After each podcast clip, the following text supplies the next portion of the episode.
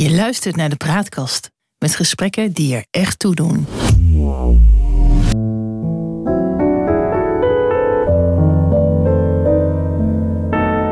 Welkom bij de Praatkast.nl. Dit is een aflevering van het Geheugenpaleis.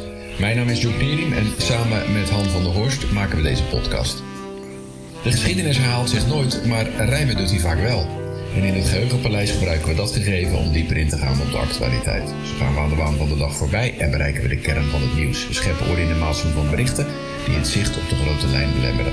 En tussen beiden blijkt dat de werkelijkheid vaak genoeg elke fantasie te boven gaat. Han, we gaan het hebben over de wereldhandel, met name de vrijhandel in de wereld. En dat wil je doen aan de hand van jouw onlangs gedane aankoop van handschoenen bij de Primark. Neem ons eens mee. Ik heb nogal grote handen en eh, afgelopen zaterdag eh, was het erg koud, dus ik dacht ik ga nieuwe handschoenen kopen. En ik ging naar het centrum van Rotterdam en bekeek handschoenen in verschillende winkels. Die kwamen daar in een prijsklasse van 20 euro en hoger. En voor mij was 40 euro wel het matje. Mooie handschoenen, maar ze pasten geen van allen. Toen ging ik iets doen wat eh, ja, ehm, intellectueel gevormde leden van de middenklasse niet horen te doen. Ik betrad de Primark voor het eerst van mijn leven. En daar vond ik passende handschoenen binnen vijf minuten. Twee paar voor 3 euro. Zo. Op zitten lekker die dingen, ze zijn warm. Op het eh, kaartje stond, ze zijn gedeeltelijk gemaakt van gerecycled polyester. Ja. En eh, waar ze vandaan kwamen, maar dat zal wel ergens uit Azië zijn. Vietnam waar ze zo, vandaan ja. kwamen, stond er hier. Vietnam, Bangladesh. Maar wat heeft dat dan te maken met de vrijhandel? Eh, die hele Primark stond vol met producten Ja. die daar alleen maar voor zo'n prijs konden liggen. Ja. Dankzij internationale vrijhandel. Ze waren niet van bijzonder hoge kwaliteit, maar ze waren wel bruikbaar. En ik denk ook niet dat ik jaren met die handschoenen van mij ga doen. Maar deze winter zullen ze me zeker helpen. Ja. Hey, maar vrijhandel, dat, dat, dat, dat zorgt er dus voor dat die goederen zonder allerlei opslagen eh, hier in de winkel kunnen liggen. Ehm, maar dat is toch gewoon goed voor de welvaart van iedereen? Dat zeggen de voorstanders van de, wel, van de vrijhandel. En de gedachte dat dat een goed idee is, Ja. geen invoerrechten, geen uitvoerrechten, geen handelsbelemmeringen, die, zijn, eh, die gedachten die zijn ongeveer 200 jaar oud en die komen meer dan, iets meer dan 200 jaar oud. En ze komen uit de tijd van de verlichting. Maar er zit ook een ideologisch element in die gedachte, want er zijn ook tegenstanders Ja. die zeggen ja. Eh, maar dat leidt er tegelijkertijd toe dat de rijkdom zich concentreert in de handen van kleine groepen mensen in een beperkt aantal landen die om wat voor reden dan ook binnen die vrijhandel economisch kunnen domineren. Bijvoorbeeld omdat ze al rijk zijn van zichzelf. Ja. En daarom is dat een drogreden. En daarom is het een goed idee om je eigen land te beschermen tegen te goedkope producten van buitenaf. Want anders kan je geen eigen industrie ontwikkelen, bijvoorbeeld. En dan er is, toch, eh, er is toch voldoende wetenschappelijk onderzoek, economisch wetenschappelijk onderzoek, waaruit blijkt dat het juist goed is als, als de handel vrij is, omdat dat uiteindelijk de welvaart gewoon sneller verdeelt. En die meneer of mevrouw die jouw handschoenen in Vietnam heeft gemaakt, die profiteert daar in zekere zin toch van. Ja, jij ook, omdat je een goedkoop product hebt. Maar ja, eh, eh, heel China is groot geworden door eh, dat ze heel veel hebben uitgevoerd tegen lage uitvoertarieven. Dat geldt ook voor Taiwan. Wat denk je van het, het Wirtschaftswunder Zuid-Korea wat daar gebeurd is? Dat zijn denk ik toch allemaal voorbeelden van, van, van succesvolle eh, economieën die dat vooral zijn geworden omdat ze zo makkelijk met die goederen konden handelen. Ja, maar in Zuid-Korea en trouwens alle succesvolle Aziatische landen is er altijd een nauwe samenwerking geweest tussen eh, de overheid en hele grote bedrijfsmatige conglomeraten, Samsung bijvoorbeeld, Hyundai. Die ook vaak goedkoop konden exporteren vanwege speciale begunstigingen die ze van hun eigen regering kregen. En het was de bedoeling om daarmee andere producten uit andere landen van de markt te concurreren. Dus je ziet bij tegenstanders van uh, vrijhandel vaak het argument ja, maar concurrentievervalsing, dat willen wij bestrijden. Ja, nou hebben we de afgelopen 30, 40 jaar eigenlijk een ontwikkeling gezien dat die vrijhandel steeds groter werd, met ook allerlei verdragen tussen Amerika en, en, uh, en Europese Unie. Heel veel landen willen ook een, een verdrag met de Europese Unie sluiten om hun goederen uh, hier naartoe uh, te brengen. Um, maar door de oorlog in Oekraïne lijkt het wel of dat ja, de hele wereldhandel, ja, dat daar tot, tot, tot, tot geopolitieke handelsspanningen uh, leidt. Als je nu kijkt naar, naar nou, dat was eigenlijk al onder Trump begonnen. Die zei America first. Ik ga al, die, al de banen terughalen. Dat heeft hij overigens niet gedaan. Maar onlangs heeft uh, president Biden uh, een wet aangenomen. En dat is een, ja, een, dat noemen ze dan de Inflation Reduction Act van 1922, 2022. En die gaat erover om een chipindustrie op te bouwen, om allerlei uh, groene energiebronnen uh, daar uh, te maken. allemaal gericht op zijn eigen economie. En feitelijk is dat een aanval op de economie van Europa en van China. Ja, en we zien tegelijkertijd dat Europa nu samen met de Verenigde Staten een economische oorlog voert tegen Rusland. Ja. En we dachten en dat tegen China, hè? want naar China mag ook geen, geen intelligente chip meer uitgevoerd uh, uh, worden. Ja. Maar misschien moeten we ook geen domme chips meer uh, uitvoeren. Nu we gemerkt hebben dat in de drones waarmee Oekraïne wordt platgelegd, die Iranese drones, dat daar Nederlandse chips in zitten. Ja, dat is natuurlijk een, een parallele zwarthandel is daarvan. Nou ja, wat je dus eigenlijk ziet, is dat, dat we vanuit een, een steeds vrijere wereld, en vrij, waar de vrijhandel ook floreerde, nu naar een wereld toe gaan waarin we weer meer onze eigen markt gaan beschermen. Waarin bijvoorbeeld ook de medicijnenproductie weer teruggehaald wordt vanuit India naar Europa. Waarin we zeggen we moeten zelf zonnepanelen gaan maken, want die komen uit China en die willen we zelf gaan maken. Op Taiwan staat de belangrijkste chipfabriek van de wereld. Dat is te gevaarlijk, want China wil erin vallen, dus die moeten we ook naar Europa halen. Hetzelfde geldt zo voor Amerika. Het lijkt alsof al die geopolitieke blokken zich weer gaan concentreren op eigen handel eerst. En dat gaat ons, denk ik, heel veel welvaart kosten. Ik denk dat je daar uh, gelijk in hebt. Ja. Maar dat komt ook omdat ik ja. vanwege mijn eigen politieke en levensbeschouwelijke achtergrond voor vrijhandel ben. Ja. Het is nogal een liberaal principe, hè, vrijhandel. Ja, dat is het ook. En ik ben ja. een hele linkse liberaal die vindt dat in een samenleving iedereen gelijke kansen moest uh, krijgen. Je had vroeger de liberale professor Geil. Ja. Een heel bekend historicus. En die zei altijd: Ik ben liberaal, dus ik stem op de Partij van de Arbeid. Ja, nou ja, de, de, de, het socialisme is natuurlijk voorgekomen uit het liberalisme, toch? Ja, dat is ook ja. zo. Dus, dus, in die kringen vind je vrijhandel. Je ziet ook dat bij D66 en, zo, en, en uh, uh, vind je een heel grote liefde ja. voor een zo verenigd mogelijk Europa. Dat komt uit die ideologie voort. En de VVD, die helemaal geen liberale partij is, maar een enghartig nationalismebeleid, die is daar weer veel sceptischer over. Maar zal toch uh, een neiging hebben om voor vrijhandel te kiezen als de keuze bestaat. Ja. Um, nou ja, je ziet ook wat er op dit moment in, de, in Engeland gebeurt, in het Verenigd Koninkrijk. Want door, door de Brexit uh, zijn er heel veel industrieën toch uh, danig geraakt. Omdat ze niet meer zo makkelijk kunnen exporteren naar Europa. Dat kost dat land gewoon geld.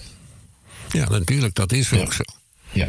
Dat vrijhandelsbegrip, dat, dat is eigenlijk nog niet zo oud, zei je net. Nee, dat is zo in de tijd van de verlichting opgekomen. Voor die tijd dacht men er heel anders over. Je kan het bijvoorbeeld zien aan onze eigen vaderlandse geschiedenis. Mm -hmm. uh, in 1596, we gaan lekker ver terug, dan komen er voor het eerst Nederlandse schepen aan in, um, in, in, in, in, in Indonesië. Ja.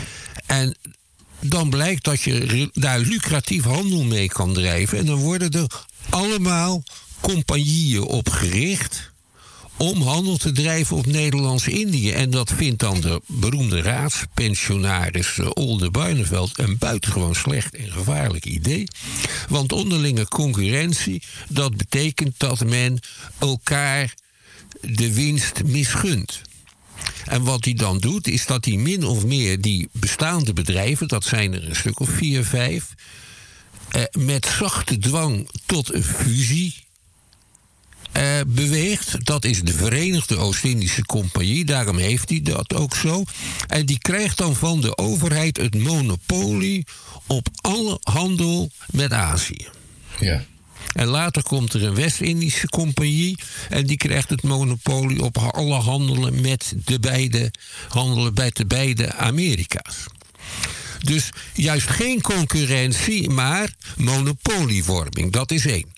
Nou, die komen dan in Azië wel concurrenten tegen. Dat zijn plaatselijke handelaren en dat zijn Engelse Oost-Indische compagnieën en Franse. En daar voeren ze dan oorlog mee. En wat de uh, wat je probeert als Verenigde Oost-Indische Compagnie is ook jouw handelspartners te verbieden zaken te doen met anderen. En als je dat als ze dat toch doen, dan brand je hun landerijen plat. Hè? Het bloedbaden waar Jan Pieterszoon Koen, de uh, gouverneur-generaal in de 17e eeuw van wordt beschuldigd en die ook heeft uitgevoerd. Die hebben daarmee te maken.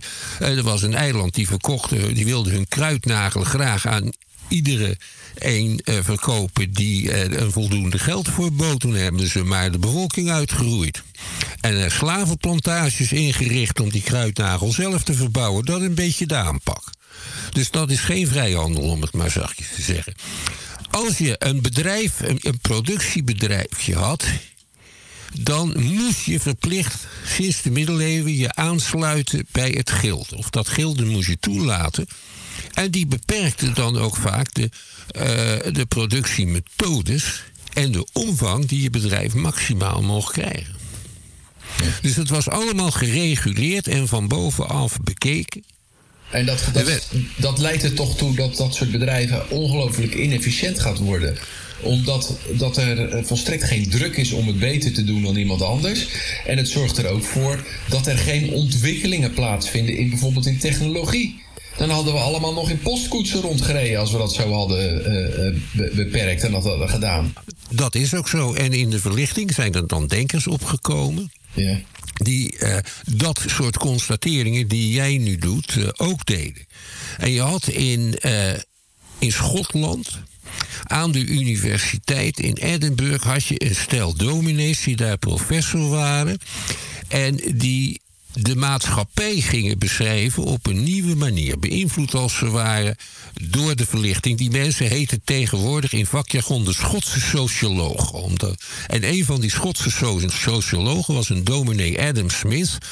En die heeft beschreven hoe de economie werkte en welke dingen meer opbrachten en welke minder. En van hem komt de gedachte dat je de economie dat je de, de, de, de zakenlieden vrij moet laten. Het beste vrij kunt laten. Dat je het beste concurrentie kunt toestaan.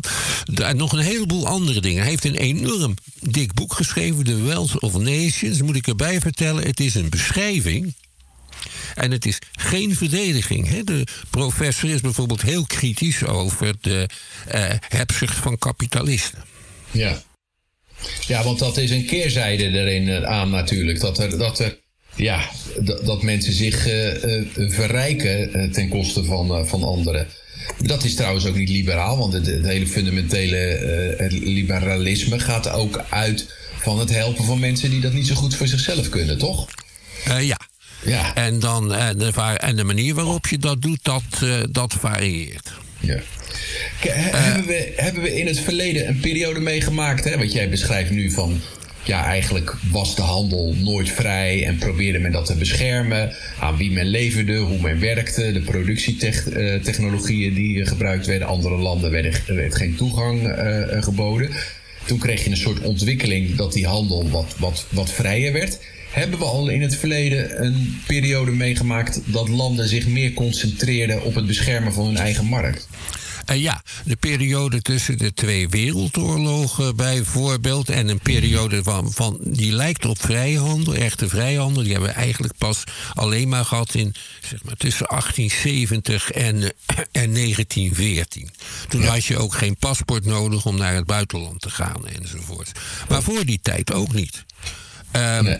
Bijvoorbeeld de ABN AMRO, een van belangrijke wortel daarvan is de Nederlandse Handelmaatschappij. Dat is altijd, was een half staatsbedrijf. En koning, de koningen van Nederland die oefenen een hele grote invloed uit op, uh, op ja. de economie. En dat is allemaal zo vanaf 1850 is dat weggeëpt. En toen heb je een tijd vrijhandel gehad. En hoe en kan je die periode dan beschrijven van 1870 tot 1914? Wat gebeurde er met de wereldeconomie en met de Nederlandse economie? Enorm gegroeid economisch. Ja. toen is uh, bijvoorbeeld de, de, de, hoe heet het nou, de leeftijd, de, de, gemiddelde leeftijd die is gestegen van, van, van een jaar of 37 tot, uh, tot bijna 60. Uh, toen is uh, allemaal moderniseringen zijn doorgevoerd. Stoomtrams, stoomtreinen, waterleiding, verbeterde gezondheidszorg, hygiëne. Dus dat, dat, is, dat heeft een geweldige bloeiperiode geweest. Ja. Met een onrechtvaardig verdeelde rijkdom. Veel onrechtvaardiger dan nu, maar er zijn allerlei politieke bewegingen tegen in het geweer gekomen. Die probeerden dat recht te zetten. En die zijn daar ook in een hele lange straat in een hele lange tijd wel ongeveer in geslaagd, zoals blijkt uit de manier waarop we nu leven.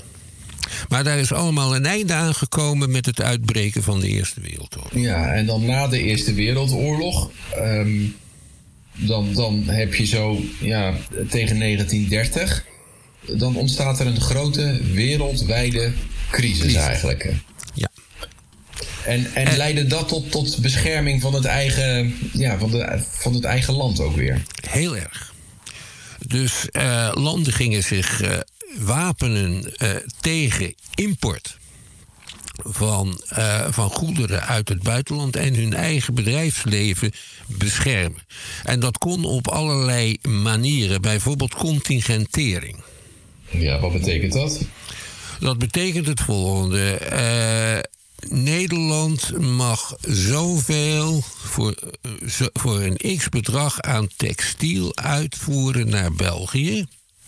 Voert het meer uit, komt er een hoog invoerrecht op.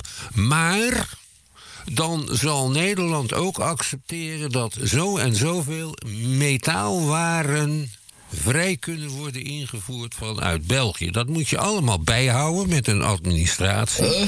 En Nederland en alle andere Europese landen, die hadden uh, ja, tientallen van dit soort verdragen met andere landen. Dus een volkomen controlesysteem met een administratie erbij waar je gek van werd. Ja. Dan was de Nederlandse regering intern, die, die, die bevorderde ook het vormen van kartels. Ja. Zodat bedrijven. Ja, zo, maar dan mochten bedrijven niet van profiteren die niet moderniseerden. Dus daar was ook een heel controlesysteem uh, voor met allemaal raden per bedrijfstak. Met daarin ook vertegenwoordigers van de consumenten. En die konden aanwijzingen geven. Dat was een waanzinnige administratie. En zo is dat in de meeste landen gegaan. Nou zal ik je nog iets leren van Hitler, of liever gezegd van Jalmar de minister van Financiën van Hitler, die verzon iets. Uh, en dat was dat je marken, dus Duitse marken, geld, Duits geld, mocht je niet naar het buitenland uitvoeren. Mm -hmm.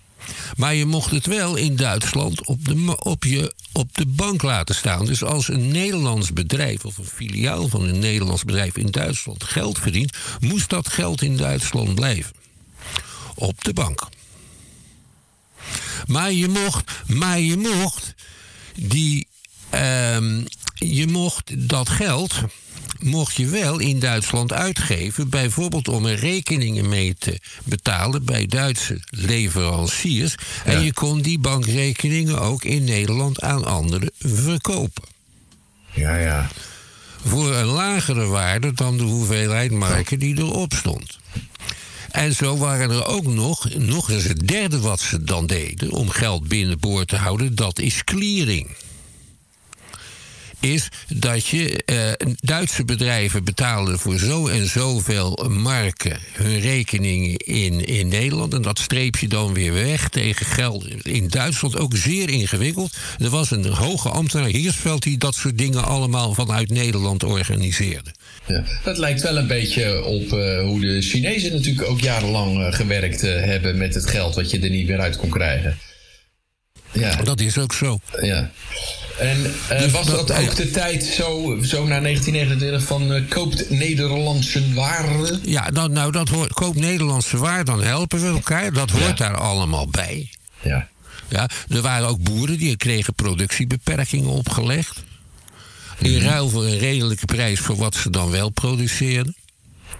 Want ze zeggen altijd wel, in de jaren 30 werd er niks aan de crisis gedaan. Er werd juist heel veel aan de crisis gedaan en daardoor werd die erger. Ja, wat werd er dan gedaan dan?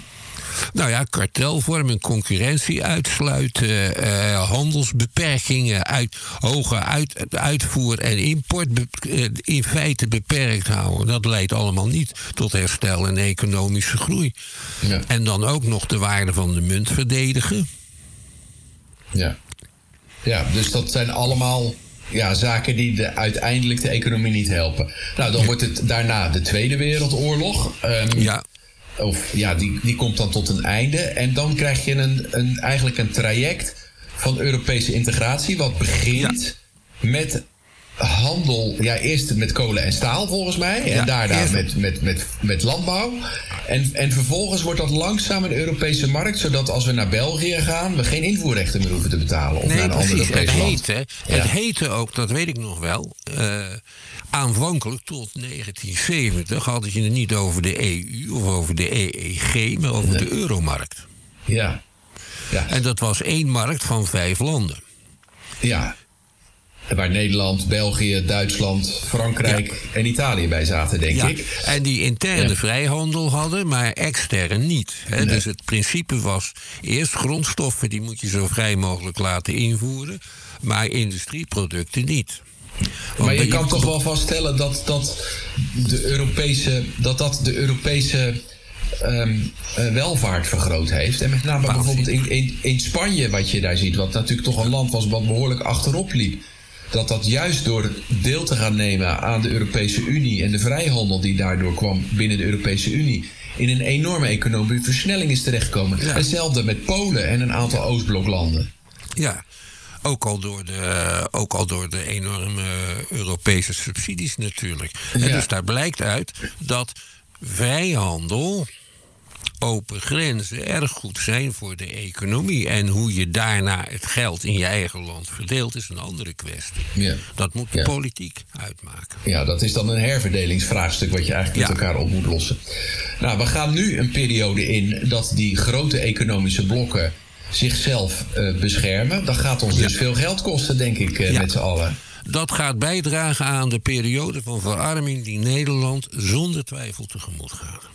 Ja, dat, die zal gaan, hè, want de inflatie is hoog geweest. Ja. De inflatie is hoog, ja. hij blijft ook voorlopig nog hoog. Ja. Uh, de prijzen van energie zijn enorm hoog. En dat ja. betekent dat de vrije bestedingsruimte van de meeste Nederlanders, van de meeste Europeanen, de komende jaren sterk gaat afnemen. En dat ja. moet allerlei gevolgen ook hebben voor, uh, voor belangrijke bedrijfstakken. Hè. Er wordt niet gezegd van ja, maar de restaurants zitten vol. We zullen kijken of ze dat volgend jaar nog zitten. Ja. Nou, ik begrijp inmiddels dat uh, in de bouw uh, na het eerste kwartaal het toch behoorlijk aan het stilvallen is. Ja. Al is het alleen maar omdat de bouwmaterialen tussen de 20 en de 100 procent duurder zijn geworden. Ja. Uh, en de bouw is stil komen te liggen door de stikstofproblemen. Dus we gaan nogal wat tegemoet dan de komende ja. tijd. En nog iets. Ja. De energietransitie. Alle berekeningen die de mensen nu zijn voorgehouden, bijvoorbeeld als je een, een hoe heet zo'n ding, een warmtepomp installeert, verdien ja. je dat in zoveel jaren terug. Dat kan allemaal de kachel in. Want? Die berekeningen kloppen niet meer. Je moet nieuwe berekeningen maken. Aan de ene kant, hè, want de, de, is het verstandig om zo weinig mogelijk energie te gebruiken nu. Maar aan de andere kant worden de aanschafkosten van de daarvoor benodigde ma machines enzovoorts, die worden een stuk hoger. Dus die een andere som maken. Ja. Ja, dus, dus er is heel, heel veel onzekerheid. Ja. Is in het dorp Sliedrecht staat nu een heel groot uh, project met warmtenetten op losse schroeven, omdat de aanlegkosten zo gestegen zijn. En dankzij subsidies van Hugo de Jonge konden dan bij huiseigenaren de, kon de eigen bijdrage tot 500 euro uh, beperkt blijven. Dat kun je nu vergeten. Dus er zijn op grote schaal nu mensen aan het afhaken. En dan is dat hele warmtenet voor niks aangelegd. Hugo de Jonge heeft geen geld om extra subsidies gegeven. Nee, dat speelt in 19 gemeentes. Nou, dat is een klein voorbeeld van de grote dingen die ons te wachten staan. En waar, naar mijn mening, de verkiezingen ook over zouden moeten gaan. En niet over herstelbetalingen voor slavernij of, de, of, de, of, of, of, of de, de binnenkomst van de immigranten. Maar over deze kwestie die ons dagelijks leven individueel stuk voor stuk bedreigt. Zo zie je dat zo'n uh, oorlog uh, in Oekraïne, wat toch een beetje een lokaal conflict lijkt te zijn, uitgroeit tot een wereldwijd uh, probleem. Die te maken heeft met verarming van eigenlijk iedereen. Ja, ja dat is ook zo. Uh, en, en het beperken van handel en het verdedigen van het eigen grondgebied. Ja, en bekijk ook wat die oorlog kost. De VN heeft ja. uitgerekend 40% van de Oekraïners die hebben hulp nodig om te overleven. En het is toch nogal verbazend hoeveel dingen eh, je in, eh, in Kiev nog kan krijgen, ondanks de oorlogstoestand. En het is ook heel jammer dat we niks lezen over wat die oorlogstoestand betekent voor de waarde van het geld in Oekraïne, voor wat er verkrijgbaar is en wat mensen nog kunnen betalen. Ja. En ik denk dat dat toch heel wezenlijk is. Misschien nog wel wezenlijker dan wat daar in die loopgraven gebeurt. Ja, ja, ja, ja. Nou, dat zijn uh, allemaal geen leuke vooruitzichten, geen leuke eh, verhalen. We komen eigenlijk uh, ja, in, een, in een periode van economische achteruitgang. Joop den Uyl zei toen bij de oliecrisis, maar daar hoeven we niet noodzakelijkerwijs ongelukkiger van te worden. Nee, en daar heeft hij ook gelijk in. Maar dat gebeurt alleen als je de zaken slim en verstandig aanpakt en als je een nationale crisis ook nationaal oplost en niet privatiseert. En wat bedoel je niet privatiseert? Dat mensen het zelf op moeten lossen. Ja, dat, ja want dat kunnen ze niet. Nee. Maar nou, met elkaar misschien wel. Het is een roep om leiderschap die jij hier eigenlijk uh, uit uh, op dit moment. Ja, ja en ook, uh, ook een roep om nationale projecten. Het is goed om daar op een ander moment over voort door te gaan. Tot zover deze aflevering van het Geheugenpaleis. We maken dit in samenwerking met de Praatkast. De uitzendingen zijn te vinden op www.praatkast.nl. Abonneer je op onze podcast in je favoriete podcast-app. Dan mis je nooit een aflevering. En vertel je vrienden ook over ons, dan worden we nog beter gevonden. Wil je ons mailen, stuur een bericht aan info.praatkast.nl. Tot zover. Voor nu bedankt voor het luisteren en tot de volgende keer. Wees gelukkig, blijf gezond.